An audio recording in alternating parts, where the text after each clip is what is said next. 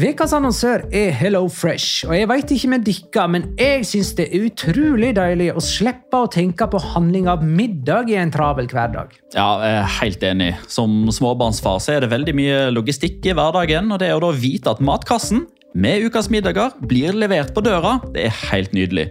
Da slipper du impulskjøp på butikken når blodsukkeret er lavt, og når du kommer hjem, kan du bare ta ut posen med dagens ingredienser fra kjøleskapet og sette i gang matlaginga. Ja, du kan velge mellom 25 ulike retter hver uke. Og de har faktisk en egen kategori som heter Raskt og enkelt, med masse enkle og gode oppskrifter. Veldig greit å ikke måtte ty til takeaway hver gang det er hektisk på jobb. Jeg gleder meg spesielt til sterk chilikylling i min neste kasse. Jeg blir sulten bare av å tenke på det. Ja, Det er ikke feil med bacon og cheeseburger heller, da. Og det som også er bra, er at matkassen koster det samme hver uke, som gjør det enklere å holde matbudsjettet. Ja, og så blir det ikke matsvinn heller, fordi du får akkurat det du trenger til hver eneste rett.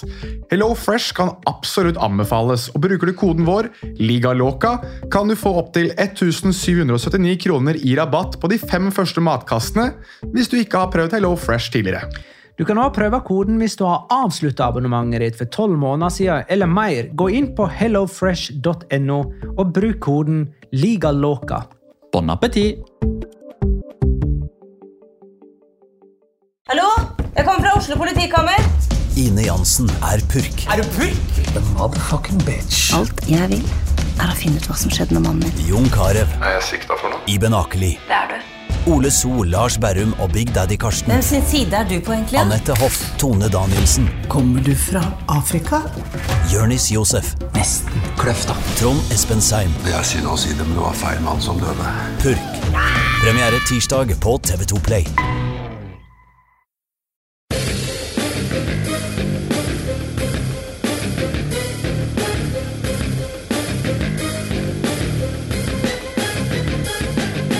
Har du sett? De tre store vant hver sin kamp denne runden, og det skjer med så ujevne mellomrom nå at vi føler det er verdt å påpeke hver gang. Og så langt i sesongen har alle tre eksperimentert så mye med taktikken sin at når e-cupene nå starter opp igjen, er det vanskelig å spore topplagets taktiske identitet i La Liga. La liga loca. En litt gærnere fotball. Ja, ja, ja. Dette er La Liga Loca episode 152 av det ordinære slaget med Jonas Giæver i Oslo sentrum, hei. Yo! Petter Veland i Spydeberg, hei. Hallo! Og Magnar Kvalvik på Bjerke i Oslo, det òg, men ikke i sentrum, da. Hei. Hallo, Magnar. Heia. Smalltalk, anyone? Utgår. Utgår? Aldri. Nei. Uh, det er greit. Jeg lurte på om jeg skulle si noe om Clubhouse, men jeg tror jeg droppa det. Jeg kan godt si noe om Clubhouse, jeg. At det er eh, noe av det mest avhengighetsskapende jeg har opplevd på lang tid. Og det kan vel heller vitne om det at vi alle sammen er ekstremt usosiale disse dager. Men Alle sammen? eh, også det at det, det gir oss veldig mange potensielle morsomme ideer. Eh, både med La Liga Loca og andre ting. Ja.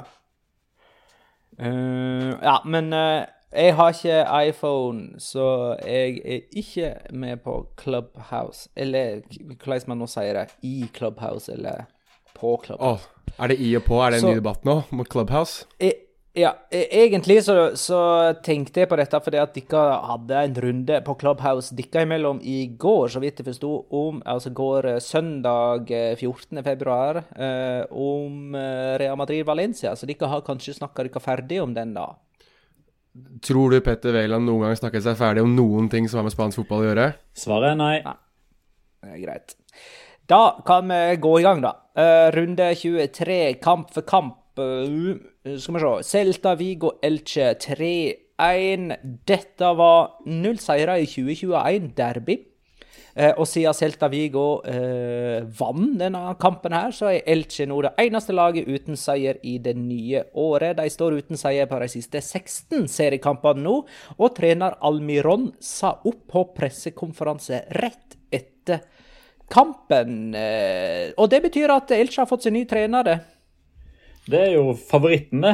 Eh, herregud. Typ på linja med Hva skal vi sammenligne med, da? Type Gregorio Manzano. eh, og den uh, unnskyld ordbruken, møkkagjengen der. Altså, Det kommer ikke til å bli noe særlig mer gøy å se Elche spille fotball. Men det kan jo hende at han klarer å skvise ut noen, eh, noen resultater. Jeg må jo for øvrig f- bare kjapt da dra hvordan han sa opp. For det er Ja, eh, Du må jo jeg vil kanskje jo si bare nevne at ansatt en først. Fran Escriba har tatt over Elche. Ja, og det er jo andre navnet, gang ja. i alle fall. Ja, det funka ganske bra han var der forrige gang. Da, rykka han opp med de fra Segunda, og så holdt de jo plassen sportslig begge sesongene, men det endte med nedrykk likevel pga. økonomi, som jo ikke er Fran Escriba sitt eh, felt. Men eh, Odd Kralmidon kom jo da inn etter eh, et nytt tap. eh, den 16. kampen bra uten seier, og bare sier eh, til en eh, sånn presseseanse som han igjen kom altfor seint til. Eh, Jorge Almiron er jo eh, håper jeg, spansk medias mest fate person, fordi han har null respekt for eh, tids, eh, altså deadline og oppsatt tid. Eh, vi spøker jo litt med manjana manjana hvis du sier klokka to, så mener de klokka tre i Spania, men han er liksom det drøyeste av det drøye. Han kom tre timer for seint til pressekonferansen en gang og fant ut at når folk ikke var pålogga likevel, så kunne de like gjerne bare gi faen, så det var ikke noe pressekonferanse før den ene kampen der, blant annet. Men han kom inn og sier jeg skal være kort, jeg trekker meg, jeg ønsker spillerne eh, lykke til. Eh, og så kom det en eh, pressemelding som inneholdt ca. 42 tegn på Elches hjemmeside et par minutter etterpå. 21 ord. Altså han eh, Jeg tror det var Liga Lowdown som hadde tweeten med 24 kamper som trener, 22 mål skåret, 21 ord i den offisielle uttalelsen der han bekrefter at han er ferdig, 19.-plass i La Liga, og 18 poeng har de vunnet. Og 16 kamper uten tap. Men er ikke det noe med at Elches president er agent og sånt da, til noen eh, trenere? Jo, det stemmer det. Det er jo eh, høvdingen Christian Bragarnik selv, det, som vel også er agenten til Almiron. I hvert fall ganske tette bånd til ham. Ehm, og Det var jo mange som syntes det var en litt sånn interessant eh, ansettelse i det at Almiron tidligere var jo en vi snakket om som kunne ta over i Villarreal da de trengte ny trener. Vel da de også ansatte Fran Escriba i etterkant, uh, hvis jeg ikke husker helt feil. Uh, I hvert fall en av de to sparkningene av ham. Ehm, men, men ja, nei, de har tette bånd, og, og det et hav av spillerne i, i Elche som enten har eh, Bragarnik som agent eller eh, folk rundt ham. Så det er jo en klubb som er styrt ene og alene av ham. da. Eh, og jeg lurer litt på hvor uh, Fran Escribra passer inn i det. Og så Det ekstra spesielle her er jo at Celta-trener Eduardo Codet er jo òg en av Barganic sine agenter, så det var jo han som på mange måter eh, dytta Almiron utfor stupet. da. Etter det forrige møtet mellom disse to, altså Elche og Celta Vigo, så ble det 1-1, og da var Oskar ferdig som Celta Vigo-trener. Eh, Da hadde Celta Vigo sju strake uten uh, seier. Uh, Jonas? Eneste riktige her hadde vært å gjøre én ting, og det er å ansette Antonio Mohammed som Elche-trener, men det gjorde man jo da ikke. Så her er jeg sur. Nei. Mm. Neste kamp var var tidligkamp lørdag. Granada Atletico Madrid 1-2. Marcos Llorente skåra sitt sjuende mål før sesongen. Ingen midtbanespiller har flere mål enn han i La Liga. Atletico har nå ni seire og én uavgjort på siste ti seriekamper, og reiste seg her da etter 2-2 mot Celta Vigo sist eh, mandag. Petter? Hvor lenge skal Marcos Llorente holde, Llorente holde på sånn her før han er klink i elveren til Spania i EM, eh, Jonas? Nei, altså Jeg syns det begynner å bli vanskelig å argumentere mot ham som en av de beste midtbanespillerne i La Liga. Og da, Det er ikke noe offensiv-defensiv. Jeg snakker en av de beste i La Liga, punktum finale. Fordi han spiller på lag med både Cocky og Saul, som begge to har hatt den rollen, eller hatt, eh, blitt kalt det. Og Marcos Llorente er bedre enn de begge to i år. Så mm, jeg har vanskeligheter med å se at ikke han skal er en av de gutta som burde være klink i landslagstroppen, slik som han holder på nå. Granada har ikke sleget Atletico siden 1973. Det er 21 seriekamper det, uten eh, seier. Nå skal de prøve å slå Napoli på Los Carmenes torsdag denne veka. Det er altså i Europaligaen. Um, Atletico Madrid topper. De er seks Sorry, fem poeng framfor Real Madrid, eh, med to kamper mindre spilt enn Los Blancos. Sevilla Uesca 1-0. Monir El Hadadi, matchvinner for Sevilla, som har vunnet ni strake i serie og cup. De har holdt nullen i sju strake oppgjør, inkludert i 2-0-seieren mot Barcelona i første oppgjør i Copa del Reys semifinale sist onsdag. Det er første gang i historien at Sevilla vinner sju strake uten baklengsmål. Så gode er Sevilla om dagen. Har dere noe dere vel føye til?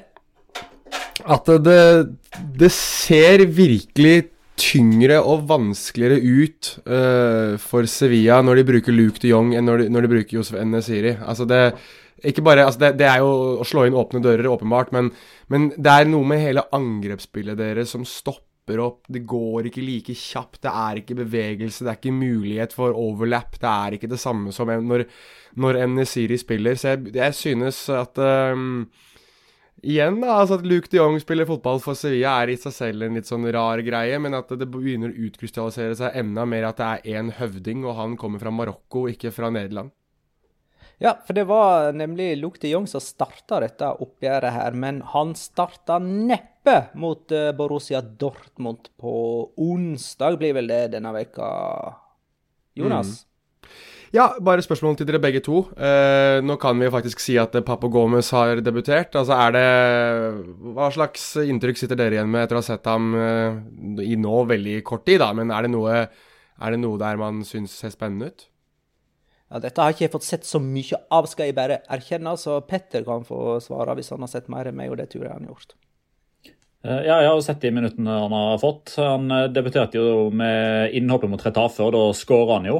Eh, og i løpet av det innhoppet der Han kom jo inn for Ocampos, som fikk den grusomme ankelskaden mm. da Ginny hamra løs på han, holdt jeg på å si. Og da var han jo han var på banen i en drøy halvtime og lurer på han hadde åtte på 80 pasninger i løpet av uh, den drøye halvtimen. Riktignok spilte jo da Retafe med en mann mindre, så forholdene lå jo veldig til rette for at en spillertype som han skulle inn og diktere. Men han har liksom tatt utfordringer på strak arm. Han står jo og sier i uh, intervjuet etter den kampen at han er ikke i nærheten av å være 100 ennå, men at det er veldig lett å komme inn i et mannskap som er så satt Eh, som er så strukturert, som har så klar rollefordeling. Og jeg syns det er interessant. Um, altså Ikke bare det at Papagomes glir rett inn, men jeg har drevet og sammenligna Sevilla og Lopetegi litt nå med hvordan Simione sitt Atletico Madrid begynte å bli bygd, når det virkelig begynte å bryte med fjærene. og Da sa man akkurat det samme. At det var så lett. altså Det gjorde ingenting om Godin var ute. Eh, for da kom Savic inn og gjorde akkurat de samme oppgavene. Eh, det gjorde ingenting at eh, Antoine Griezmann gikk ut, for da kom Diego Costa inn og gjorde det samme. Det gjorde ingenting at Saul sto over, for da kom Kåke og gjorde akkurat det samme. Litt det samme har jeg feelingen på Sevilla nå, om at de, de har så klare, tydelige planer retningslinjer. Alle trekker i samme retning. Alt Loppetegi sier, blir trykka til brystet av alle spillerne, og de bare går inn og gjør den jobben de blir satt til å gjøre. 1-0-seier altså til Sevilla over Uesca. Sevilla er nummer fire, og de er sju poeng framfor Real Sociedad på femteplass. Og Sevilla har en kamp til gode på dem. Eh, så vi kan jo ta denne her fra Jan André Murashagen. Ettersom tittelkampen og topp fire er mer eller mindre avgjort, hvem følger Uesca ned, og hvorfor? Oi! Jeg kan, eh. jeg kan, ta med et uh, poeng òg fra Jørn Henland. da. Uh, at det er fire poeng mellom lag nummer 18 og lag nummer 11 uh, på tabellen. Det vil si at alle som er på nedre halvdel, på, har på en måte den nedrykksstreken veldig innenfor rekkevidde akkurat nå. Det inkluderer Valencia. Det gjør det. Og de er ikke trygge på noen slags måte. Uh, jeg legger huet på blokka og sier i hvert fall Elche. Det tror jeg uh, Den tror jeg ikke er sånn tror ikke du får sånn kjempegode odds på det. Um, skal vi si at det ender på viset for Eibar, da? At jeg syns de har vært nede og holdt på Det er Eibar, da, å klare seg og begynne Men jeg, jeg tror Eibar var kanskje det laget som dro mest nytte av det at de hadde et tett og intimt publikum. At det var liksom litt den der stemninga med å dra på Iporoa osv. Um, men nei, jeg, jeg går for Elche og Eibar, jeg som følger Wesca ned. Eh, sier Kadis, jeg. Jeg syns de begynner å se um, det begynner å bli farlig få seire eh, på ganske mange kamper. Nå lurer på om de har vunnet to av de siste 13, eller noe sånt. Og så er vi Nei, fortsatt jeg er kanskje litt, eh, kanskje litt blenda fortsatt av at de slo eh, Real Madrid og Barcelona da de riktignok var på sitt dårligste. Eh, Jeg syns ikke de gjorde en spesielt god eh, avslutning på overgangsmarkedet i januar. Nå er Jens Jønsson ute en periode, en danske som har gått veldig under radaren. Som har vært eh, meget, meget solid på midten der og sånn sydd sammen hele, hele bøtteballetten der. Så det blir hyggelig å konstatere når lytteren hører dette her, så har Kadi slått Atletic og er enda lenger unna nedrykksstreken. Jeg skulle akkurat til å si, altså de, Alle lagene som rykker opp, kan ikke rykke ned igjen. Det, det, Det det. det sier seg jo selv. To nedrykkskandidater møttes eh, i Eibar, nemlig Eibar og Valladolid. Eh, det endte med 1-1. Roque Mesa skåra sitt første Valladolid-mål på straffe. Kike utligna for Eibar. Disse to lagene ligger fremdeles A-poeng på 17. og 18. plass. De har 21. Begge har seks seriekamper på rad uten seier. Barcelona Alaves eh, 5-1. Messi skåra to i hans seriekamp nummer 505 for Barcelona. Han tangerte dermed Xavi i antall av Liga-kamper for klubben, og vil dermed toppe den lista òg fra og med neste ligakamp han spiller. Trincao skåra sitt første Barcelona-mål forrige helg, som innbytter. Her starta han og skåra like godt to, og er tilsynelatende i gang med Nettshus etter å ha brent utallige sjanser i sine første 17 kamper for klubben. Um, Barcelona har vunnet alle sine sju seriekamper i 2021, men tapte altså første møte med Sevilla i Copa del Rey-semifinalen. Jonas? Ja, jeg bare vil skyte inn, selvfølgelig, for det må jeg gjøre. Eh, at Lionel Messi nå har altså da skåret skal vi se, to, fire, seks, åtte eh, Er det ni jeg er inne på? Eh, nei, jeg er ikke. Jeg er inne på åtte. Han har skåret åtte mål på sine siste fem kamper. Altså Han har skåret i, i fem kamper på raden og i La Liga. Det er da ganske så godt for en spiller som vi litt tidligere i, i sesongen satt og vurderte litt om hvor lå nivåmessig. Nå virker det som han har funnet en eller annen form for formtopp, i det at han også den kampen her hadde en, en målgivende pasning. Så Lionel Messi kan vi nesten si at han har vært undervurdert. Er det, er det, det innafor, eller bommer jeg litt da? Han har ikke skåra i fem kamper på rad, men uh, likevel det antallet mål du sier på de siste fem kampene, det kan stemme. Men han har ikke skåra i hver av dem. I La Liga? Nei, der de slo Elche 2-0 borte, så var det Frenke de Jong og Ricky Pudge. Ja, da var han suspendert. Å ja, de fem siste sånn, som han har spilt, ja. Ja, ja, som han har spilt. Ja. Greit. Ja, my bad, jeg skulle sagt det. Men ja, som han har spilt, så har han skåret i fem på rad. Så, så, så jeg mener bare at eh, med tanke på at vi var inne på temaet, da, og tematikken har vært litt rundt om hvor god er egentlig Lionel Messi per 2021, så er det litt sånn interessant å se tallene, da. Og i den kampen her så, så Ja, jeg syns han stråler, ja, den kampen her, og, og er god, men jeg syns det er andre som også Altså, jeg, jeg tenker, altså Barcelona-sportere må jo sitte og frådet ved munnen, sånn av glede nesten, sånn Når du så den startoppstillingen som Barcelona kom med her, altså med Oscar Mingueza, med Moriba, med Ricky Push, med eh, Trincao Altså, det var mye ungt og mye spennende, da. og og spesielt i starten, med, med, selv om han falt litt av, så tenkte jeg da jeg så Moriba sånn, OK, wow. Jeg sendte, måtte sende Petter en, en bildesnap av meg selv. Jeg liksom hadde sittet og sett han spille og tenkte OK, her er vi. Endre Tengren skriver til oss endelig en komplett, en komplett La Masia midtbane for eh, Barcelona. Det var også da Busquets, eh, Ricky Puig og Ilaish Moriba. Eh, og Ruben Sætre skriver Ilaish, det nærmeste man kommer en spansk Pogba. Ja. Uh, Ilaish Moriba er altså 18 år gammel. Dette var hans første kamp fra start, men det var vel ikke debuten hans uh, i, for Barcelona. Det var La Liga-debut. Ja. Men eh, ja, hvordan så han ut? Petter?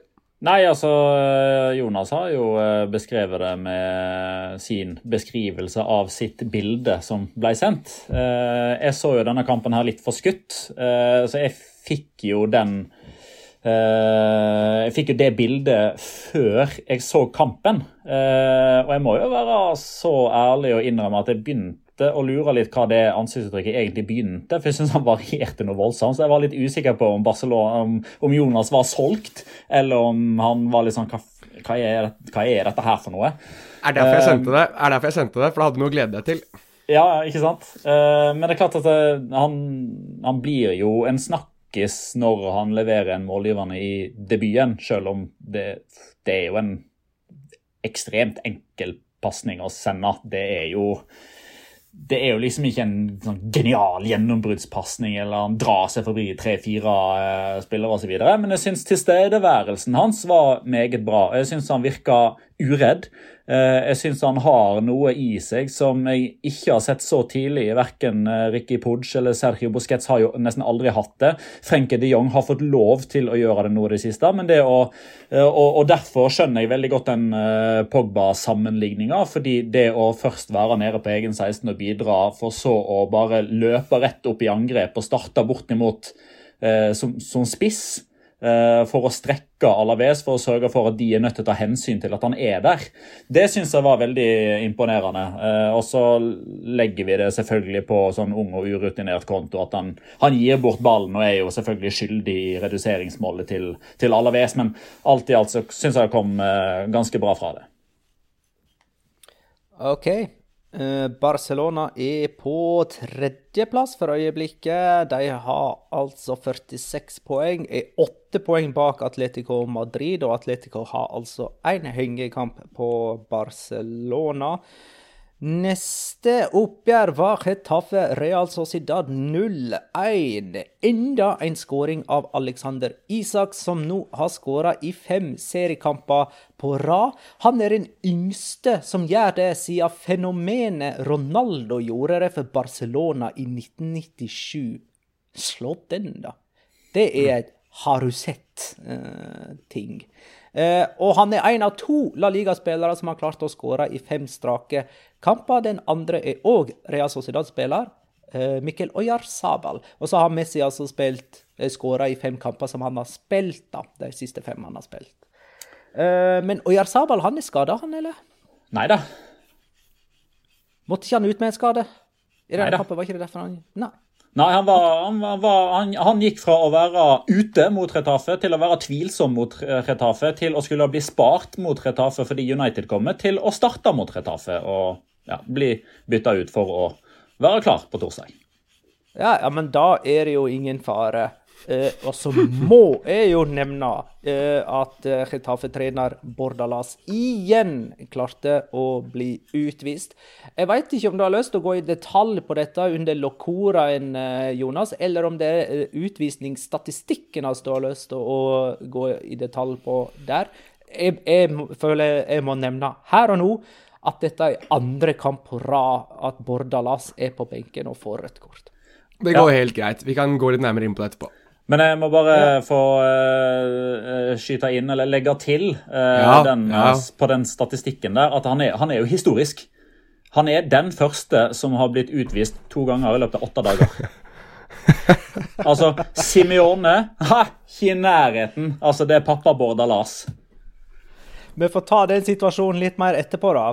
Uh, og så ja, Jonas, du har lyst til å si noe, ser jeg? Ja, bare, veld, bare, veldig kjapt. Eh, med tanke på at jeg vet at det var mange Lareal-supportere som syntes det var veldig gøy å se den midtbanen deres. Eller i hvert fall flere av spillerne som spilte i, i det leddet der, altså med Oyarzabal som vi nevnte her, og at uh, eh, var, var, på banen, og David nei, nei. Silva. Nei, nei. Er, Eremendi. Er, er det Mendy? Å oh, ja, ok. ja. Du, er, du, mener at vi skal gå for gode gamle David Moyes-uttalelsen på um, Riktig.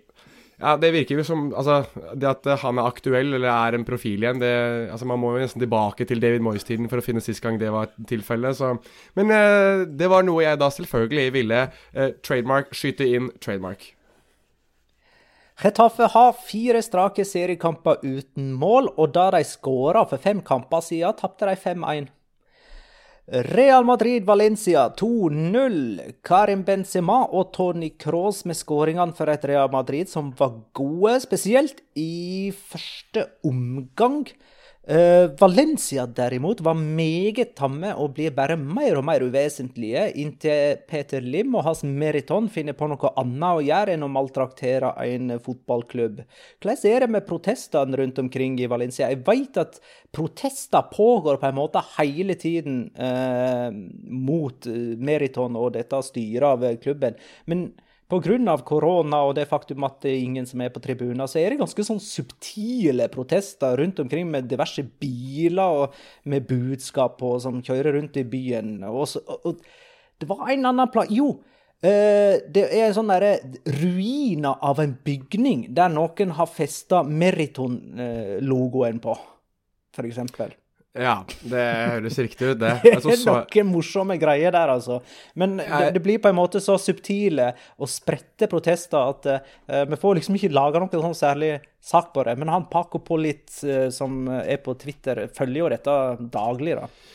Ja, det gjør vel også generalen, uh, som er ute og melder og mener. Og det var vel noe greier med at de skulle um, det virker som de hintet mot at det kommer en form for aksjon nå. Jeg vet ikke om det var noen oppdatering på det sånn i etterkant, men at de i hvert fall lader opp til en form for aksjon. Nå har de jo hatt manifester på nettsidene sine nærmest og oppfordret folk til å, til å aktivt gå imot klubben. og De, har vel også brutt koronareglementet en del ganger ved å faktisk protestere òg, de er jo ikke redde for å ta i bruk uh, alskens mulige midler for å, for å fremme sitt budskap. men uh, ja, nei, jeg vet ikke altså, jeg, om det faller på døve ører. Jeg, jeg syns jo det er fantastisk at de prøver, da. Men uh, jeg er litt sånn som deg, Magnar, at uh, man må nesten komme til det punktet der man lurer på Skal man bare liksom Altså Man må nesten, må nesten bare vente til Peter Lim og, Meriton er ferdig med å ødelegge fotballklubben og håpe at den ikke er, er helt falleferdig, liksom. At det kanskje er noe igjen å redde. Uh, og for å fullføre den tweeten jeg begynte på fra Jørn Henland i stad, om at det er fire poeng mellom 11. og 18. plass, så spør han jo hva tilsier at ikke Valencia rykker ned.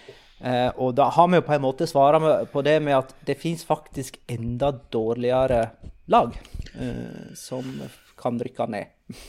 ja, det er jo håper jeg, kortversjonen, da.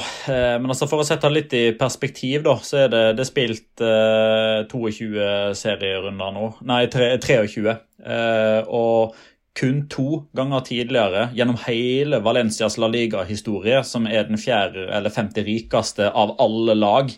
Eh, altså De har eh, hva er det, åtte 80 og noen sesonger på toppnivå. Dette er den tredje dårligste med tanke på poeng. Eh, og Da kan man sikkert eh, gå tilbake til 50-tallet og mene at da spilte de dårligere fotball, eller på 60-tallet så var stemninga dårligere, men dette er sånn objektiv eh, svart-hvitt facts. I 82-83 så hadde de 17 poeng etter 23 serierunder. Da måtte det en enorm snuoperasjon og et comeback i siste serierunde til for at de holdt plassen. Og i 85-86 hadde de 22 poeng. Da rykka de ned, og nå står de altså med 24 poeng og kun tre poeng ned til en plass under streken, som kan eh, i utgangspunktet bli håper jeg, enda mindre dersom Elche plutselig nå skulle finne på å ta poeng i disse hengekampene som de har eh, etter å ha fått en sånn ny trenereffekt. Så um, jeg tror nok Valencia-fansen skal krysse det de har, som krysses kan for at vi treffer på tabelltipset vårt, og at de jubler for en tolvteplass ved sesongslutt. Bare sånn bare sånn uh, av nysgjerrighet, disse poengsummene du snakker om fra 80-tallet, er det sånn som er gjort om fra topoengssystemet, ja. eller var Ja, ikke sant? For det var topoengssystem da, egentlig.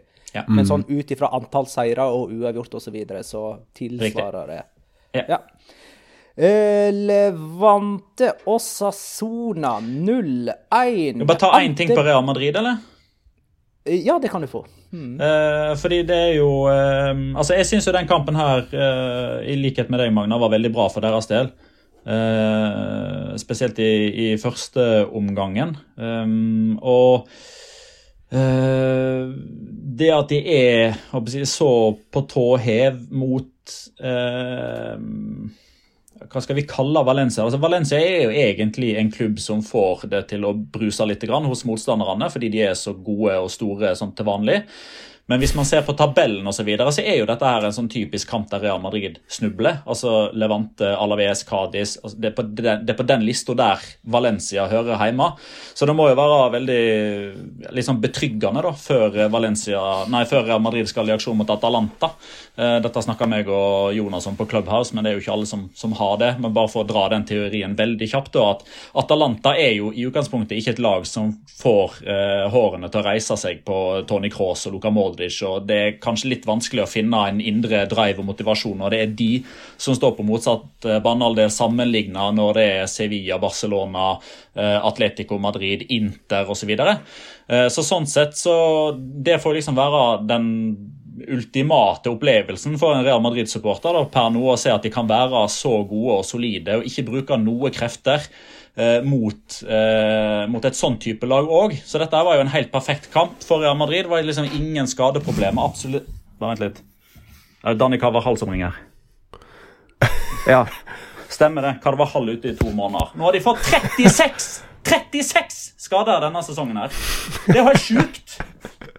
Ja, det er faktisk ganske sjukt, for han kom tilbake etter seks uker med skade. Spilte 25 minutter og ble skada igjen og er ute i to måneder.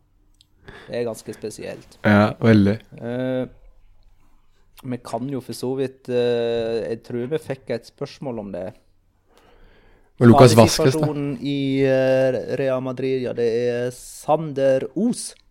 Carvahal sin skade for tidlig å sende han utpå? spørsmålstegn. Eventuelt om han slo opp skaden. Vaskes kommer inn rett fra skade uten en eneste jogg på sidelinja. Hazard som gang på gang blir hasta ut i aksjon og slår opp nye, gamle skader. Eh, burde man gjøre noe med ja, hva er det fysiske teamet i Real Madrid, eh, Jonas?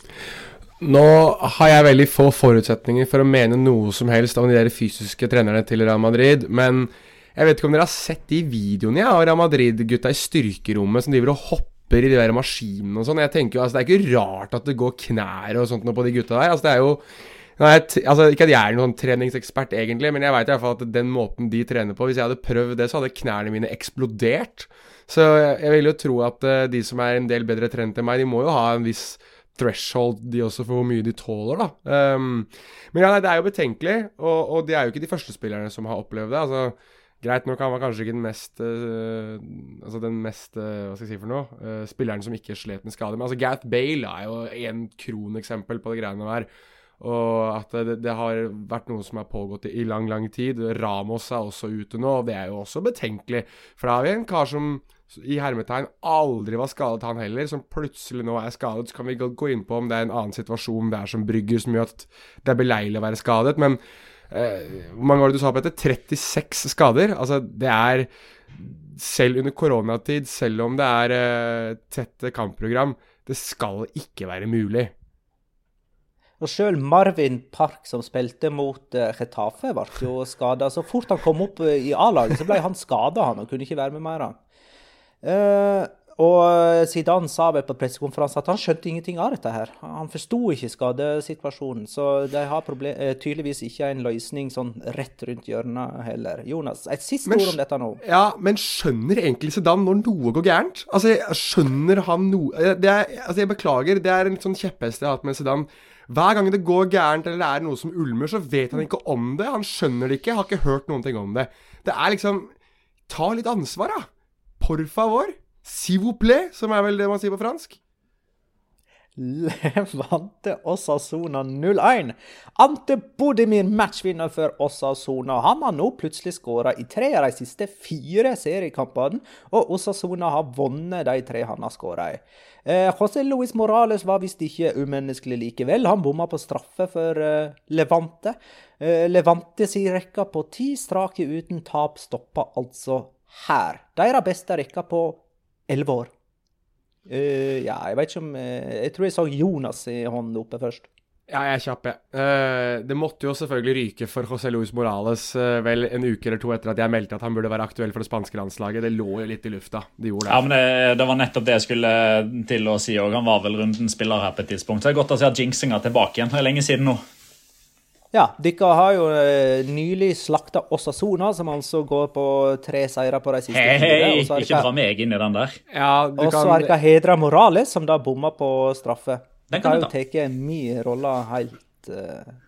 Jeg bare sier det. Jeg tar ansvar ene og alene dersom Osasona overlever. Så er det kun pga. meg. Det er jeg som har stått for det. Så jeg beklager til alle ligaentusiaster som hater Osasona. Det er min feil.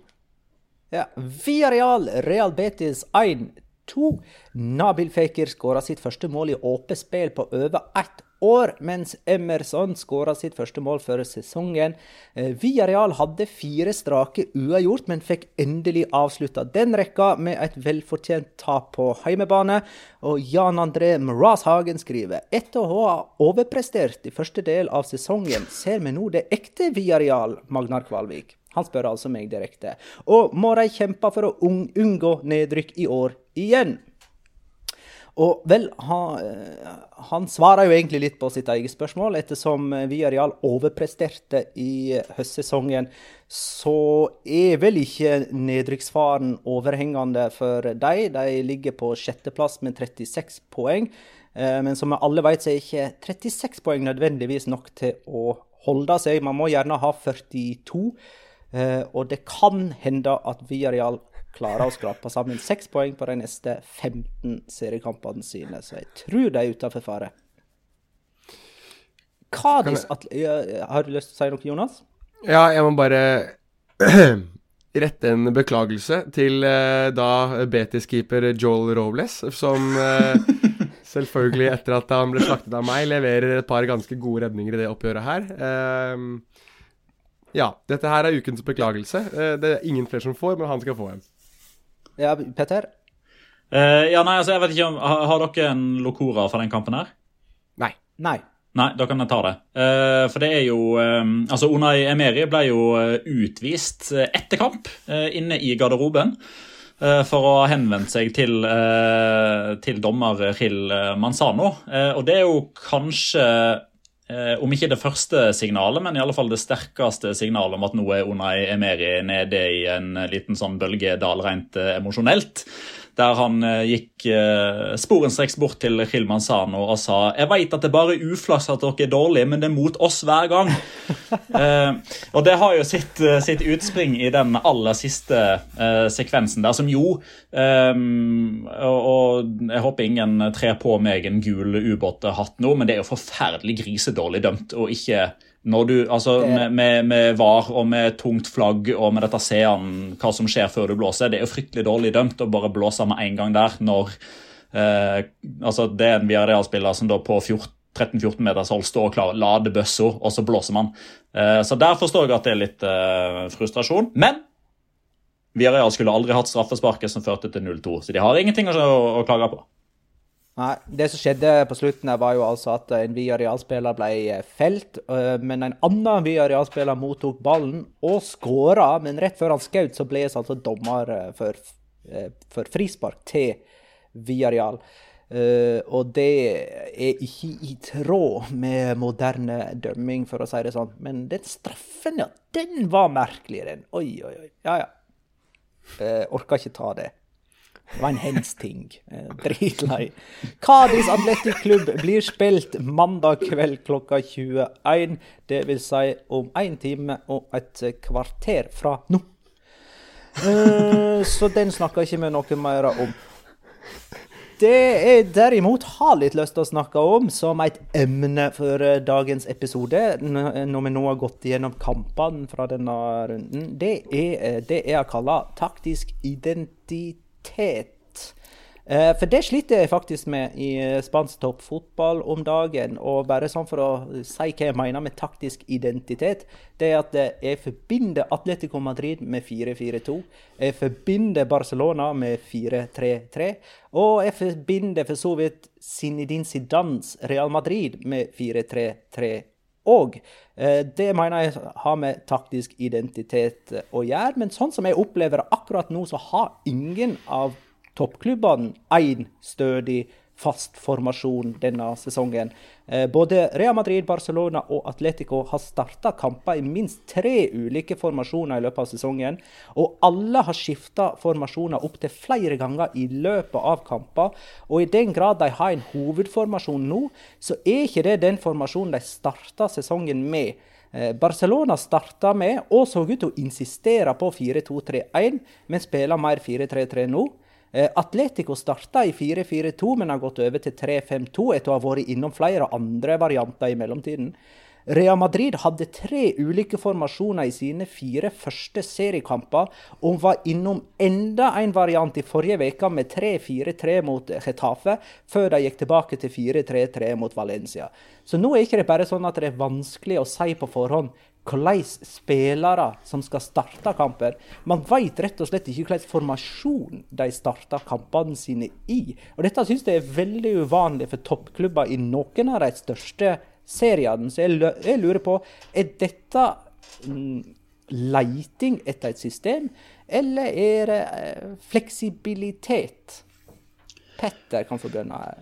Altså, jeg vil jo eh, differensiere eh, i to kategorier her, da, hvis vi tar de tre lagene der som utgangspunkt, Barca, Madrid og Atletico, så vil jeg jo si at eh, på bakgrunn av det du sier og det man har sett med egne øyne, så vil jeg jo definitivt eh, hevde at Real Madrid og Barcelona leter etter det som er eh, måten ut av eh, ei blindgate, der man ikke har klart å få gode nok prestasjoner, gode nok resultat. Man får ikke det beste ut av enkeltspillere. Eh, I Real Madrid så kan man jo f.eks. Eh, ikke legge skylda på, men man kan eh, se litt på bruken av Eden Hazard, som har hatt to-tre forskjellige roller som han har starta i, der man ønsker å få det beste ut av han uten at man tar brodden av Karim Benzema. Eksempel. Samtidig så er det jo også en faktor, en X-faktor her som er litt sånn ufrivillig, med alle disse skadene som gjør at man i løpet av veldig liten periode av sesongen har alle de elleve antatt beste spillerne tilgjengelig, som kanskje ville ha gjort at man hadde sett en mye større rekke av kamper der Real Madrid eksempel, har starta i vanlig 4-3-3, men så har man måttet eksper eksperimentert med uh, andre formasjoner eller andre spillere som løser oppgaver forskjellig. Det samme gjelder for så vidt for Barcelona sin del òg, som jo er 4-3-3-klubben over alle klubber i Spania de siste 10-15 årene, som henter en 4-2-3-1-mann. Koman som eh, egentlig gjorde det byttet helt fra start av, og så funka ikke det, og så har man funnet litt tilbake til identiteten nå, men vi har jo stilt oss sjøl spørsmålet veldig mange mange ganger hva er rolla til Antoine Griezmann, hva er hans posisjon. Eh, når man skal sette laget til Barcelona opp i en formasjon, f.eks. For til en Champions League-sending, hvis man har studiosending der, så er jo altså Messi er jo egentlig en egen posisjon i seg sjøl, der han bare går akkurat der det passer han. Han passer liksom ikke inn i en eh, 4-2-3-1 eller 4-3-3 fordi man veit aldri hvor han befinner seg, for det, det gjør han alt etter sånn som han leser spillet. Mens i motsetning så har Atletico Madrid nå blitt enda bedre. Altså, Diego Simione har løst situasjonen litt annerledes. Han har endt på samme, kall det mm, han har gjort det samme i form av at han har endra. Han har gått vekk fra 4-4-2 til 3-5-2. Men det var ikke pga. at det, ikke funka, men fordi han har identifisert at dette kan bli enda bedre hvis vi gjør det på denne måten. Bl.a. med bruken av Jannik Carasco som, som wingback, Marcus Urente som wingback nå. Eh, det at man henter Joffrey Condogbia, som gjør at man kan ha både Kåk og Saul på banen samtidig, uten at det er de som får de defensive ansvarene. Joao Felix som har vist Først så begynte vi å lure litt på han òg, i likhet med Azade Griezmann, med hva er hans beste posisjon. Nå synes jeg det, det, har liksom ikke noe å si hvor man plasserer Joao Felix, fordi han løser den oppgaven greit uansett. Og så har man i tillegg da både tre og fire gode stoppere som alle fungerer sammen, mens man har en venstrebekk Renan Lodi, som ikke har vært god på lang tid, og en høyreback i Kieran Trippier som er utestengt, som gjør at det å spille med tradisjonelle, vanlige backer ikke er en bedre løsning enn å spille med f.eks. tre mann bak. Ja, jeg eh, Når det kommer til taktisk identitet, da, så, så, tror jeg det er iallfall to av disse lagene som har vist over lengre tid at de iallfall har vurdert å endre litt. Jeg husker vi snakket om at uh, på ikke du og jeg var sammen på et hotellrom Petter, da vi så det. At uh, Real Madrid spilte inn Trebekslinje en treningskamp for var det før foregående sesong. At vi satt og lurte på hva er det de driver med nå. Altså, Er dette en taktisk endring? Er dette noe Zidane har plukket med seg fra sin tid i italiensk fotball? At han ønsker å prøve å, å fornye Real Madrid på den måten? Og så gikk jo det ordentlig åt skogen, bl.a. den treningskampen mot Atletico Madrid, som siden har blitt uh, småfamøs. Og så har vi snakket om at Real Madrid, uh, nei, Atletico Madrid har i, har i, større grad forsøkt å spille 4-3-3 for å kanskje få best utnytte av type Thomas LeMar. At det har vært, at det har vært tilnærminger til endring, men at av de lagene som har valgt å faktisk gå for en, form, en formasjonsendring, så er det Atletico Madrid som sitter igjen som den store vinneren. Og det ser man jo litt resultat av. Altså, jeg tror ikke at det, at de har eh, basically vunnet La Liga allerede, er kun pga. en taktikkendring, men at de har truffet på det, samtidig at de har truffet på mye av spillematerialet, samt at f.eks. Real Madrid har hatt de skadeproblemene de har hatt, og at Barcelona har de interne problemene de har hatt. At det har vært en perfect storm sånn sett. Men den perfect stormen har blitt såpass uthevet av det at de har truffet så ekstremt bra i den formasjonsendringen sin, og at de nå også, med den, eh, den luka opp, også har fått muligheten til å teste den formasjonen på flere måter. Du kan spille en 3-5-2 på en defensiv måte. Du kan spille en 3-5-2 på en offensiv måte. Og eh, Diego Simione har tidvis spilt en så offensiv formasjon at det nesten ikke ligner maken på noe jeg har sett før. I hvert fall ikke fra ham. Altså, de, de har jo spilt med Marcos Llorente og Saul som på hver sin wingback. Altså, uh, Jannik Ferreira Carasco spilte jo inne sentralt i, i, i foregående kamp, f.eks., med Joao Felix og, og, og Luis Suárez, som begge to har spilt sammen på topp der. Altså, de, de har klart å, å, få det laget til å sitte såpass sterkt, men det er, tror jeg de har gjort fordi at det, det defensive fundamentet deres er så godt. Altså, de, de forsvarsspillerne de vet nøyaktig hvordan de, skal, hvordan de skal spille i et sånt system. da. Men er ikke det litt spesielt spesielt at all denne eksperimenteringen inntreffer for tre storlag samtidig. Altså, Hvor ofte skjer det? Jeg lurte litt på om det kunne ha sammenheng med at dette her er en spesiell sesong der kampene kommer så tett at man må liksom tenke nytt og være fleksibel. da. Men er det sånn i de andre altså De andre store ligaene har jo òg dette tette kampprogrammet og de samme utfordringene. Er er det sånn i Tyskland f.eks., Petter, du som har et, eh, second, et andre øye til Bundesligaen? Ja, altså Her kan andre svare enda bedre enn meg, men inntrykket mitt er at det er mindre eksperimentering i Tyskland. Uh, for, altså for, å ta topplagene, da. Uh, Dortmund f.eks. Som regel veldig jeg skal ikke si at de er fastlåst, men det skal ganske mye til for at de viker fra sin 4-2-3-1. Eh, jeg husker i eh, ikke den kampen som de hadde nå mot Hoffenheim, men borte mot Freiburg helga før der, så begynte vi å lure litt på om det kanskje var tre mann bak når vi så de elleve som, som starta. Men da viste det seg at det, det var ei firebackslinje, men at Emre Chan plutselig var høyre back. Så i stedet for å spille alle de elleve beste tilgjengelige spillerne i sin beste posisjon, så valgte man heller å ta den mest rutinerte inn i ei rolle som allerede er definert. Så Dortmund er liksom 4-2-3 nærmest uansett uh, hva som skjer. Uh, Leverkosen er ganske strikt. De har uh, f.eks. Uh, altså Bailey og Diaby på siden, og så har de Aladio eller Schick på topp. og så kan man snu den trioen på midten med enten en V eller en omvendt V. Uh, som man pleier å si. Uh, altså man har to uh, dype, en offensiv eller en, et anker og to indreløpere. Uh, Bayern München, der er det litt sånn alt etter hvem som er tilgjengelig, om man velger å spille Thomas Müller i den ene eller andre rolla, men der òg er det ganske fastlåst med at de spiller som regel med offensive backer, to stoppere, kanskje et anker som ofte blir en del av en, av ei trebackslinje når man eh, forsvarer seg når man ikke har ball, men det er ganske sjeldent at de endrer eh, mitt eh, klokkeklare inntrykk. Det samme med Leipzig òg, der jeg føler at der har de der har de på mange måter et et sånn grunnspill som man er, man er veldig sikre på det. Man er veldig komfortable med det. Man har henta inn spillere som passer en sånn type fotball, og har liksom ikke noe grunn til å vike fra det. Mm. Så har jo jeg et andre øye til Serie A, men jeg føler meg likevel ikke trygg, på, trygg nok til å dra sånne generelle slutninger. Så jeg spurte heller Even eh, Eh, støvelballgründer og uh, kommentatorkollega i eh, Strive, da, Even Bråstad, som skriver til meg at Stort sett så, så, så, er det ganske lite eksperimentering. Pioli i Milan fant noe som funka i juni, altså i slutten av forrige sesong, og så har han bare stått ved det.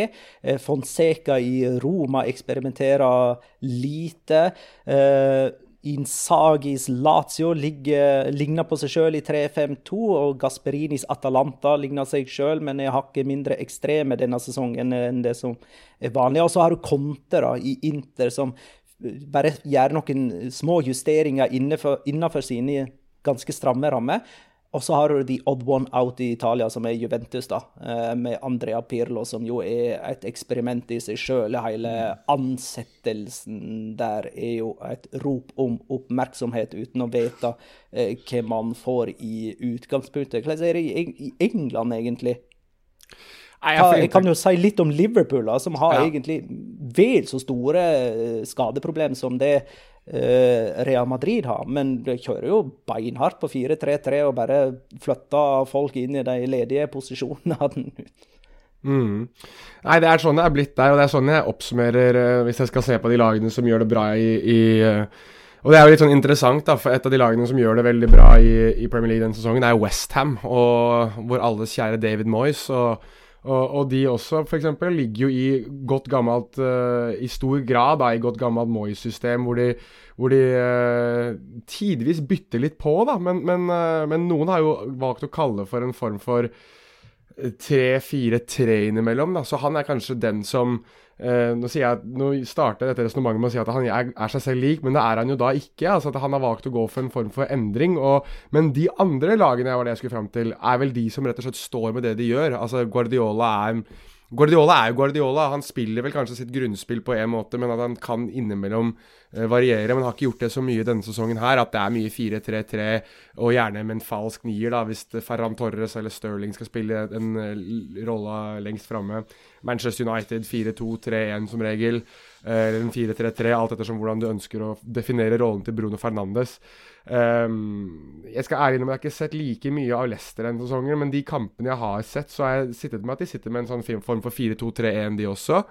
Um, og det har de gjort i stor grad under, under, uh, under Brendan Rogers. Så den, den som blir interessant men, å se Ja? Både Guardiola og eh, Ole Gunnar Solskjær er vel sånne fleksible trenere som legger opp gjerne kampstrategi etter motstander. Altså, Solskjær var jo vanskelig å spå laget til i Molde eh, alle år han var der. Ja, Solskjær er vel kanskje den største pragmatikeren av de, av de der. At han gjerne har en kampstrategi, eh, en kamptaktikk. Og det kan jo Guardiola også tidvis glimte til med. Den jeg gleder meg mest til å se av, av disse, er vel egentlig um, er vel Chelsea, som nå har ansatt Thomas Tuchel. Der har man jo sett at de har blitt ganske stramme i forsvar. Så, så det gjenstår jo litt å se. Mens Mikkel Arteta selvfølgelig spiller sin vanlige formasjon, og det går jo åt skogen. Petter? Nå, nå, har jeg fått summa med litt her. Eh, kalte du David Moyes innovativ? I, til seg selv å være, så er han blitt innovativ. Så jeg vet ikke. Ja, jeg hører jeg, ja, nå, tror jeg, nå, tror jeg, himmelen faller ned over meg her. Nå må jeg holde meg fast. Du burde nok sjekke gradestokken i, i helvete, altså. Men, uh, men altså, de, de Iramendi. Iramendi. Ja, ja. Men, Nei, men de, spi, spiller, de, spiller, de spiller i hvert fall en formasjon der også altså det er ikke så, bare for å sagt det, De har fortsatt typ Marwan Felaini da, i, i Thomas Socek. Det er jo det er visse ting som er ganske likt fortsatt. Men eh, kan disse eh, eksperimentene blant de store i Spania gjør dem mer uforutsigbare mot eh, de andre europeiske nas eh, nasjonene, klubbene, nå som europacupene kommer tilbake? Jeg vet ikke. Um, det, er, det, er, veldig vanskelig å si, for jeg lurer på hvor forutsigbare de er for seg selv. Altså Tidvis virker det ikke helt som de skjønner sine egne systemer så godt, og at uh, spillere spiller i nye og uvante roller. Uh, det er jo et lag her vi ikke har nevnt, da, som, er kanskje, som er kanskje det laget som er troest til sitt system. Og det er jo laget som er nummer fire, Sevilla. De er 4-3-3 og har vært 4-3-3 under Loppetegi. De viker ikke fra det.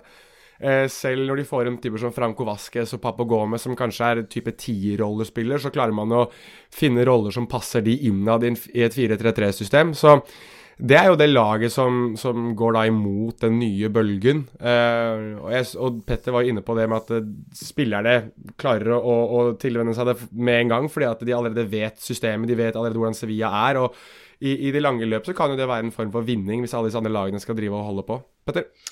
Um, altså Det som er interessant, da, bare sånn uh, helt uh, avslutningsvis uh, for min del, er jo at det er jo egentlig Altså Italia har jo vært veldig på den Trebecks-linja, så har Lars Bohin og noen andre dratt det til Norge, der han har blitt inspirert. Men Trebecks-linja i Spania har jo egentlig det har nesten aldri blitt eksperimentert med, spesielt ikke blant topplagene. Altså Du har hatt Pablo Machin for eksempel, og andre litt sånn ekstreme varianter der man har dødd med det. Men det som er interessant, er at alle de fire topplagene i minst én kamp denne sesongen har starta med tre mann bak. Og Da tror jeg vi må bla ganske mange år tilbake i historiebøkene for å finne det. Altså Atletico Madrid så har jo det på mange måter blitt regelen akkurat nå. Real Madrid gjorde det senest for seks dager siden mot Retafe. Eh, Barcelona gjorde det mot Valladolid og Eibar da det trengtes. Eh, Sevilla spilte med tre mann bak mot Krasnodar i, i Champions League. Eh, men bare sånn for å svare veldig kort på om de blir mindre forutsigbare for motstanderne i Europa, så tror jeg svaret på det er nei. For akkurat nå, hvis man tipper hva slags type lag de fire Champions League-lagene kommer til å starte med. Så jeg er ganske sikker på at Atletico Madrid kommer til å starte i 3-5-2. Det kommer Chelsea til å være forberedt på. Jeg er ganske sikker på at Real Madrid kommer til å stille i 4-3-3 mot Atalanta, og det er det de forventer. Barcelona kommer til å stille i 4-3-3 mot PSG, som de forventer. Og Sevilla kommer til å spille 4-3-3 eh, mot Dortmund, som man forventer. All right. Kan jeg få korrigere meg selv? Kan jeg... Med et siste ord fra Jonas, som skal korrigere ja. seg selv. Jeg vil korrigere meg selv, fordi at jeg, jeg, måtte, jeg måtte, gå litt tilbake i, i, i, min erindring her og sjekke opp et par notater jeg har skrevet meg, for jeg har sett mye på Westham i år. Og det er ikke kun Trebekslinje på David Moyes, det er mye 4-2-3-1 også. Så har han fortsatt holdt seg litt ved like, men prøver å endre seg lite grann. Litt sånn som kanskje Ronald Coman innimellom har prøvd å gjøre. Så the more things stay the same, the more they change, Petter. Bra. Mm. Uh, og grunnen til at Westham plutselig har rota seg inn i La Liga Loca-pod, er at de er nummer seks i Premier League og blanda seg dermed inn i en sånn toppkampprat om eh, taktikk og formasjon eh, på det øverste nivå. Det skjedde. Det gjorde det. Det har skjedd. Det er ugjenopprettelig, det der nå. Eh, nå kan vi snakke Vi kan la taktikk og taktisk identitet ligge. Eh, og ta litt sånn diverse ting. Vi har fått f.eks. en tweet fra Roar med skarre R. Eh, Ramos bekrefta ut. Spørsmålstegn i parentes. Skal, før jeg leser videre, skal vi ta det spørsmålet? Ja, eh, det er vel ikke bekreftet. Bekreftet gjør man jo gjennom klubben, men du kommer jo ikke så langt unna en offisiell bekreftelse uten at det er en bekreftelse når eh, Giuseppe Pedrerol, altså høvdingen i El Chiringuito, Jugones Trasexta osv., melder at Ramos er ferdig, at Ramos, det er blitt bekreftet nå til ham fra noen i klubben. og Man regner med at det er en person eller en person nær Florentino Perez eller Florentino Perez selv som har, har forklart at den situasjonen nå er ugjenopprettelig. Um, så kan det være mediespill, men, men, jeg tror at når han går såpass hardt ut og melder det, så setter han jo sitt ry litt på spill, og, og er nok ganske sikker i sin sak på at man da har nådd en konklusjon på det. Jeg gir meg ikke helt på at dette her fortsatt er et spill som fungerer, ja, der Peder Edol blir brukt. For ja, det, det, jeg støtter deg i at når Peder Edol sier noe, så er det verdt å høre ja. på. Når det kommer fra Real Madrid, så er det nok òg troverdig. Men så bygde de jo litt videre på dette her da med Edu Agirre, blant annet, som sier at det Real Madrid gjør nå, er å planlegge for neste ja, sesong uten Ramos. For min del så, så, er det litt sånn OK, greit. Hvis du vil spille hard to get Ramos, så får du spille hard to get. Vi planlegger uten deg, så får du komme krypende tilbake hvis du har lyst til å være her likevel. De caller bløffen hans, sånn som de har gjort en gang før, da han var på vei til Kina og han trodde han bare skulle få lov til å dra uten at eh, den kinesiske klubben skulle betale noen ting.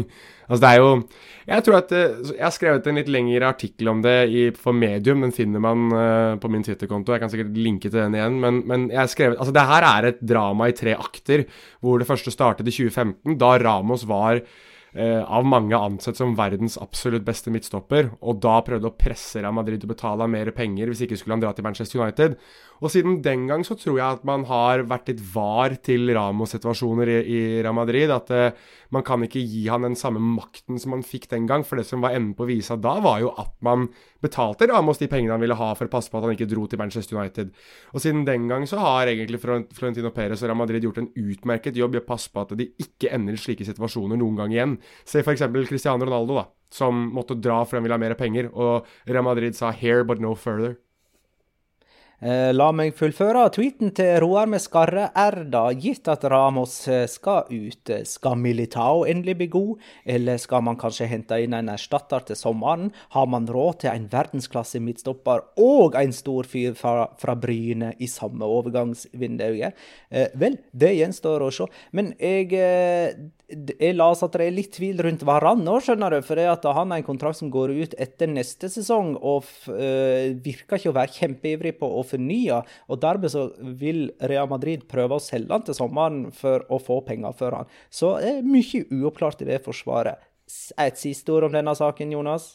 Ja, at uh, for, eh, for uh, Rafael Varans del så kan det jo være at hans midtstopperpartner kommer vederlagsfritt, i hvert fall fra klubb. For det er jo David Alaba det snakkes mest om, og han er jo på utgående kontrakt fra Bayern München. Ja. Eh, en annen ting vi er nødt til å snakke om, er at eh, vi har fått eh, personer straffa for det vi har kalla tarjeta forsada. Altså det å framtvinge et gult kort for å kalkulere i karantene. Eh, både Havi Gracia, eh, altså trener til Valencia, og Ugo Guillamon, altså midtstopperen til Valencia, måtte sone karantene mot Real Madrid for en tarjeta forsada-situasjon tilbake i november. Dette er vel historisk, Petter? Eh, Ja, det er det faktisk. Det er første gangen at denne paragrafen i reglementet har eh, blitt tatt i bruk. eh, Og det er jo første sesongen denne paragrafen fins. Det har jo blitt spekulert i tidligere at dette har man hatt et ønske om å få til tidligere. Eh, Jeg husker spesielt at Gerard Piquet lå ganske tynt an her en, en høst. Jeg lurer på om det kan ha vært i 2018, jeg, der han eh, på sedvanlig Piquet-esk vis eh, pådro seg sitt femte gule sona i kampen før El Clásico og var da liksom fit for fight og måtte få fem nye før han måtte sona igjen.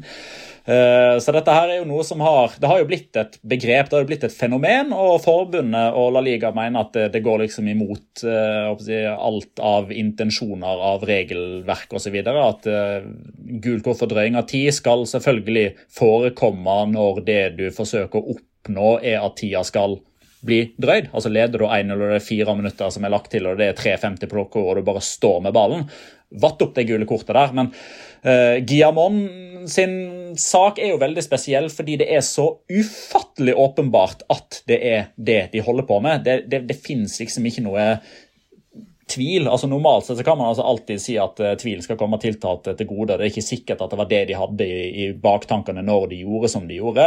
Men her, her er det liksom så ufattelig dømmende bevis som finnes med dette El Dia Despoes-programmet som lagde en reportasje om dette her et par dager etter kampen.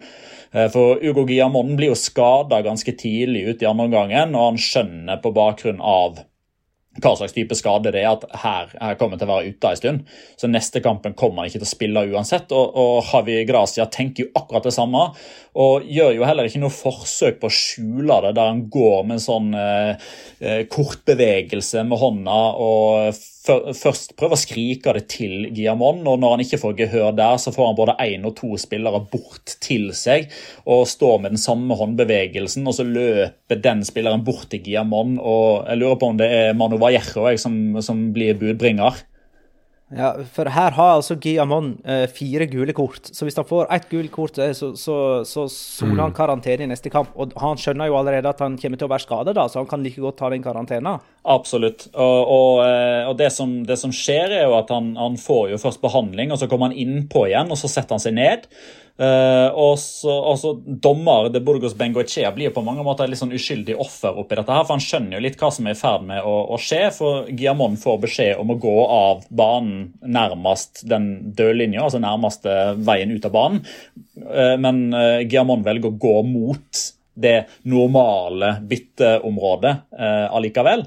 Men etter hvert så blir det liksom så parodisk at dommeren føler at han, han, er liksom bare nødt til å gi ham det gule kortet, og da går liksom Guillamon luntende av banen, og, og, det er liksom mission accomplished. da. Men her var det så åpenbart at det var det som var det som skjedde, at det, det var liksom ikke mulig for forbundet å ikke straffe når de da har lagt inn den paragrafen i regelverket. Det jeg derimot er litt spent på å se, er jo om det kommer en tilsvarende karantene for Daniel Carvajal eh, om en måned eller to. For han gjorde, han gjorde ikke akkurat det samme, for han gikk ikke av banen med skade mot Celta Vigo, men han drøyde helt åpenbart med tid etter 84 minutter, fikk sitt, fjerde, fikk sitt femte gule og pådro seg karantene. Så, så men så finnes det kanskje ikke videobevis om at Zidane står og vifter med hånda og osv. Så, videre, så det er kanskje ikke like lett å felle han. Det spørs det der. Og om tre serierunder så er det altså Madrid-derby. Og det vil si at de Real Madrid og Atletico-spillerne som er i karantene, farer nå eh, nå, vet, nå har ikke jeg det i hodet, det kan godt hende at det ikke er det. De Real Madrid har ingen. Da, og, nei, og, da, kanskje ikke Atletico, Atletico Madrid har uh, Stefan Savic, Saul Niges og Hold dere fast, Luis Suárez. Men de har enda en kamp, så, fordi der er det en hengekamp ja, men, relevant i tillegg. Ja, i, men den er jo nå i midtveka. Ja. Mm. Så, så, de spiller kamp til helga, eh, og kan da prøve å påføre seg sjøl gule kort, sånn at de soner neste helg, og så er tilbake igjen til Madrid Derby. Så følg med på Atletico Levante til helga i så måte. Det, altså, Atletico Levante spiller både onsdag og lørdag denne veka, men det er lørdagskampen det er mest interessant å se i så måte. Eh, et, et, et siste aspekt der. Uh, jeg, synes, altså, jeg er i utgangspunktet en pådriver for, for fair play osv., selv om jeg er litt miljøskade etter å ha holdt på med spansk fotball i ganske mange år og sett uh, hva de holder på med. og der, kan de, der, kan de, strekke seg langt lengre enn det man er komfortable med for å gjøre her i Norge. men jeg syns jo det å skulle innføre straff um, Jeg syns det er helt greit i situasjoner som dette, der det er så åpenbart. Jeg er bare litt redd for at konsekvensen her kan være at man allikevel bestemmer seg for at man skal få gul kort i løpet av en kamp for å oppnå eh, karantene i en gunstig kamp. Uh, og hvis man da vet at man risikerer å få den ekstra kampskarantenen, så velger man da kanskje ikke å ta den protesten eller den eh, drøyinga av tida eller det å sparke bort ballen, som er liksom den ufarlige varianten, der du ikke er i fare for å skade noen. Kanskje bestemmer du deg i stedet for greit, men da tråkker jeg motstanderen på tærne neste gang. da. Men så tråkker du litt feil, eller du tråkker litt for hardt, og så går det faktisk utover en motpart, der du faktisk da kan stå i fare for å skade motspilleren. Hvis det er det som er konsekvensen. Jeg vet at det er en sånn veldig sånn ytterliggående konsekvens, men jeg er litt usikker, altså. For det, altså regelverket og, og, det å straffe folk med gule kort har jo egentlig absolutt ingenting med karantene å gjøre. Det karantenereglementet som finnes i internasjonal fotball, er jo rett og slett bare for å passe på at spillere liksom, de, de, kan ikke være villbasser i hver eneste kamp og gjøre som de vil. Det må få en form for konsekvens. Men, men hvis eh, Ugo Guillamon har, har liksom lyst til å pådra seg det femte gule kortet akkurat der ved å gå litt sakte av banen, så jeg klarer liksom ikke hisse meg opp over at det ikke skal være lov. Nei, men Presedensen er satt. Uh, Guillamon og uh, Havigracia har fått uh, karantene pga. tarjeta forsada, og så får vi se hvordan dette regelverket blir fulgt eller uh, håndtert uh, framover. Nå må vi kåre rundens spiller fra det som offisielt var runde nummer 23. Vi nominerer hver vår spiller uh, og rangerer dem i rekkefølge. Og min nominasjon har enda på tredjeplass. Det er Tony Cross. I en sesong der Real Madrid har slitt, har midtbanen deres faktisk vært stabilt god, etter mitt skjønn. Og mot Valencia eide Tony Cross hele kampen. Spesielt i første omgang var han merkbart god, da han hadde en målgivende til Benzema, og skåra sjøl 2-0-målet, som i grunn satte punktum for kampen. Eh, Petter har nummer to på lista.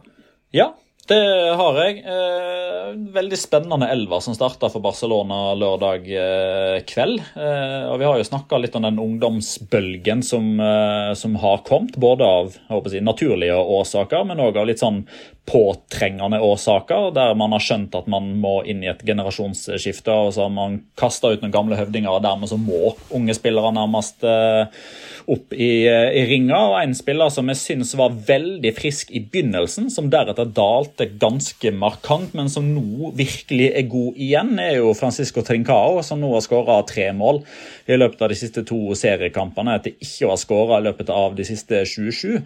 Og man skal ikke helt se bort ifra at det kommer til å ligge noe litt sånn poetisk over det tverrligga inn-målet mot Betis, som en sånn form for vendepunkt. For Trincao hadde seks treff i metallet, han. Stang ut, tverrligger ut, tverrligger over, tverrligger tilbake på banen, tverrligger ut og tverrligger over. Før den omsider gikk tverrligger inn. Og i kampen etter at det omsider da blir tverrligger inn for han, så skårer han to mål. Skal liksom ikke se bort ifra at akkurat det der, eh, det skiftet der med at han gikk fra stang ut til stang inn, kanskje òg er litt sånn stang inn kontra stang ut for eh, karriere og til Trincao. For nå ser det virkelig, virkelig spennende ut. Og så har vi fått en uh, melding fra Lasse Trone, som er imponert over Sevilla-keeper Bono. Snakk litt om hans prestasjon i helga. Er han litt undervurdert? Jonas? Ja, det er han. Og jeg dro opp uh, oversikten her nå, og det er Cádiz, Valencia, Eibar, Almeria i cupen, Getafe, Barcelona og Huesca. Det er de kampene på rad nå der Yasin Bono har holdt nullen for Sevilla. Og Grunnen til at de velger han i det oppgjøret her, er jo fordi at uh, her gjør han seg virkelig fortjent i ukeslønna si med et par av de redningene, spesielt den ene fra Rafa Mir. der Altså, Rafa Mir har jo fått en sånn greie med at hvis det kommer et innlegg fra kanten av motsatt ende av boksen, så er han gjerne en som lukter alle de innleggene og står på fem meter ish og bare altså, setter pannebrasken til og, og scorer. Og har gjort det ved en del anledninger. To av de tre målene han skåret nylig i det hat trick-kampen sin, var på det om jeg ikke husker helt feil uansett. Så eh, virket det som Bono hadde sett dette, men samtidig, han er på vei mot det andre hjørnet. Altså ballen er på vei i motsatt hjørne fra Bono, eller fra, fra Mir, og da eh, Bono er på vei den andre veien. Eh, og han klarer på en eller annen merkelig måte å dra ut en arm og redder, eh, redder den headingen fra Rafa Mir. Altså Han har en annen nå som er helt ellevill. I den kampen her så er han så, så ekstrem. Og det jeg sitter igjen og tenker, er det at for to år siden, ish, så var det veldig utkrystallisert at Bono var hentet inn som backupen til Thomas Watzlik, som vi snakket om som potensielt en keeper som kunne gå til Real Madrid, eh, Barcelona, Atletico Madrid. Nå er det ikke noe som helst eh, Det er ikke mulig å spore eh, en vei tilbake for Thomas Watzlik i det laget der. Da blir Bono rundens spiller i La Liga Loca episode 152 av det ordinære slaget. Nå er det tid for Locura! Ukens La Liga Locura. Locura. Locura. Locura. La Liga Locura. Jeg, jeg kan begynne med Locuraen, jeg. Ja, okay. Uh, den, den, er egentlig henta fra Copa del Rey, sånn uh, først og fremst. Jeg tror jeg har snakka om Jules Condé i Locoraen tidligere. Jeg gjør det igjen. Uh, for nå er han så latterlig god for Sevilla at han styrer hele laget alene. Han er deres beste forsvarer, deres beste midtbanespiller og deres nest beste angriper rett bak Enesiri. Og likevel så skåra ikke Enesiri sånne mål som det Condé gjorde mot Barcelona i Copa del Rey. Enesiri starta ikke et angrep helt bakerst, blir med fram og gjør noen veggspill på midtbanen, før han slår tunnel på motstanderens forsvarere og plasserer ballen i hjørnet forbi en av verdens beste keepere. Det gjør Jules Condé, som er helt Marcel Desailly eh, om dagen. Eh, og så har vi fått et innspill fra Abrahamsen, som kan få lov til å sparke opp din lokora, Jonas. Snakk litt om José Bordalas. Alle veit fyren er gal, men har han nå for alvor kryssa grensa mellom pragmatiker og møkkamann? Oi, wow! Ja, nei, det, jeg tror faktisk Abrahamsen har et poeng der. Uh, Plumbo featuring uh, Bordalas? Ja, nei, altså hva skal jeg si for noe her, da? Altså, det, er jo, det er jo åpenbart det er på overtid, og, og Getafe er i ferd med å tape, og så er det Ander Baranechea som kommer løpende på sidelinja, og ballen er på vei over. Uh, over linja der. Men med at Bordalas da stopper ballen mens Barnechea kommer løpende, og så gjør en greie ut av at eh, Barnechea er borti han, liksom snur seg mot han og skriker et eller annet, det, det er nå én ting. Men, men, det som jeg syns er gøyest med hele situasjonen, er jo det at eh, Carlos Fernandes av alle løper over og skal ta eh, Bordalas og står og peker han opp i ansiktet, og at da Bordalas slår til fingeren eller slår til hånda til Carlos Fernandes. Og det er to lokoraer her. Det ene er jo det at eh, Eh, Bordalas da, som Petter var inne på i stad, blir utvist i sin andre kamp på rad. Men det morsomme her er jo det at vi har stilt spørsmålet Er det eh, Granada Carlos Fernandes eller er det Sevilla eh, Carlos Fernandes som skal spille for Real Sociedad. Og svaret er vel heller her at det er da arvtakeren til William José, som har dukket opp i Real Sociedad. Altså villbassen som er klar for kamp og klar for krig, uansett og mot hvem som helst. Så vi kan se for oss da at det kanskje vi faktisk får en treenighet hva angår inkarnasjoner av Carlos uh, Fernandes. I tillegg til at da Pepe Bordalas er, og kommer alltid til å være, Pepe Bordalas. Petter. Eh, ja, eh, jeg har bitt meg merke i eh, sluttresultatet i Barcelona mot Alaves. For det har jo blitt noen eh, mot Alaves de siste årene for Barcelona sin del. Og så har jeg kikka litt på hva som har skjedd rett i etterkant av det. Så det er ikke nødvendigvis et godt omen for Barcelona at de nå har hamra løs på Alaves. og burde, Der burde de kanskje ha gjort hjemmeleksa si og stoppa sånn på 3-1 sånn Um, ja, Jeg skal forklare hvorfor. Fordi uh, Barcelona har nå uh, Det er fjerde gang uh, siden Alaves rykka opp igjen til La Liga at de skårer fire eller flere mål mot de. De vant jo nå 5-1. De vant 5-0 i siste serierunde forrige sesong. Hva skjedde i etterkant av det? Jo, de ble ydmyka i Champions League. Messi sendte Burofax, og Koman kom inn. Eh, de vant 4-1 eh, hjemme mot Alaves. Det var den siste kampen i kalenderåret 2019. Hva skjedde i den første kampen etter det? Jo, de klarte ikke å slå lillebror i, eh, i den katalanske hovedstaden.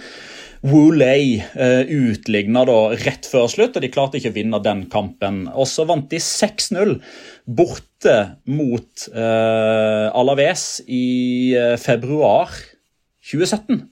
I kampen etterpå så møtte de PSG og tapte 4-0. Og i dag, så møtte de, eller på lørdag så møtte de Alaves, vant 5-1, og de møter PSG uh, i morgen, tirsdag. Så vi ønsker masse lykke til. Da kan vi tippe, da. Uh, forrige tippekamp var Via Real Real Betis. Uh, den endte med 1-2. Og Nabil Fekir var første målskårer. Jeg hadde 1-2 og Gerard Moreno som første målskårer. Det gir meg tre poeng, og jeg står da med 22.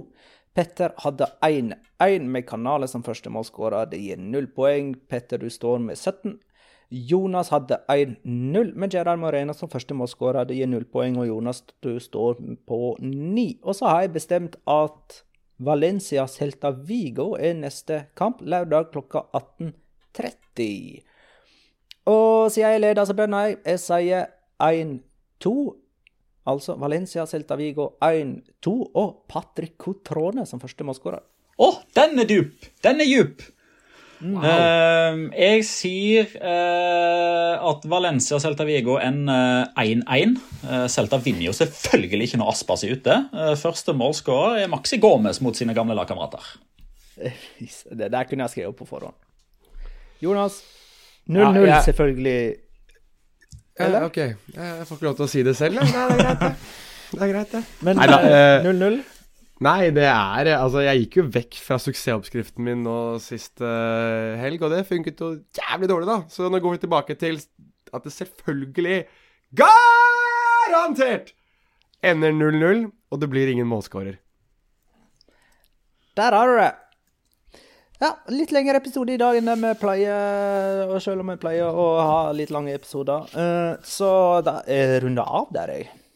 Gjør det. Det gjør jeg. Uh, tusen takk, uh, Petter fra Spideberg. Tusen takk, Jonas fra Oslo sentrum. Tusen takk, meg fra Bjerke. Tusen takk uh, til alle lyttere som har sendt oss spørsmål og innspill til denne episoden. Takk for at du lytta, kjære lytter. Ha det, da!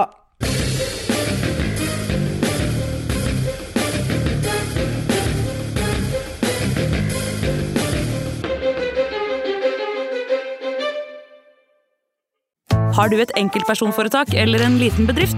Da er du sikkert lei av å høre meg snakke om hvor enkelt det er med kvitteringer og bilag i fiken, så vi eh, gir oss her, vi.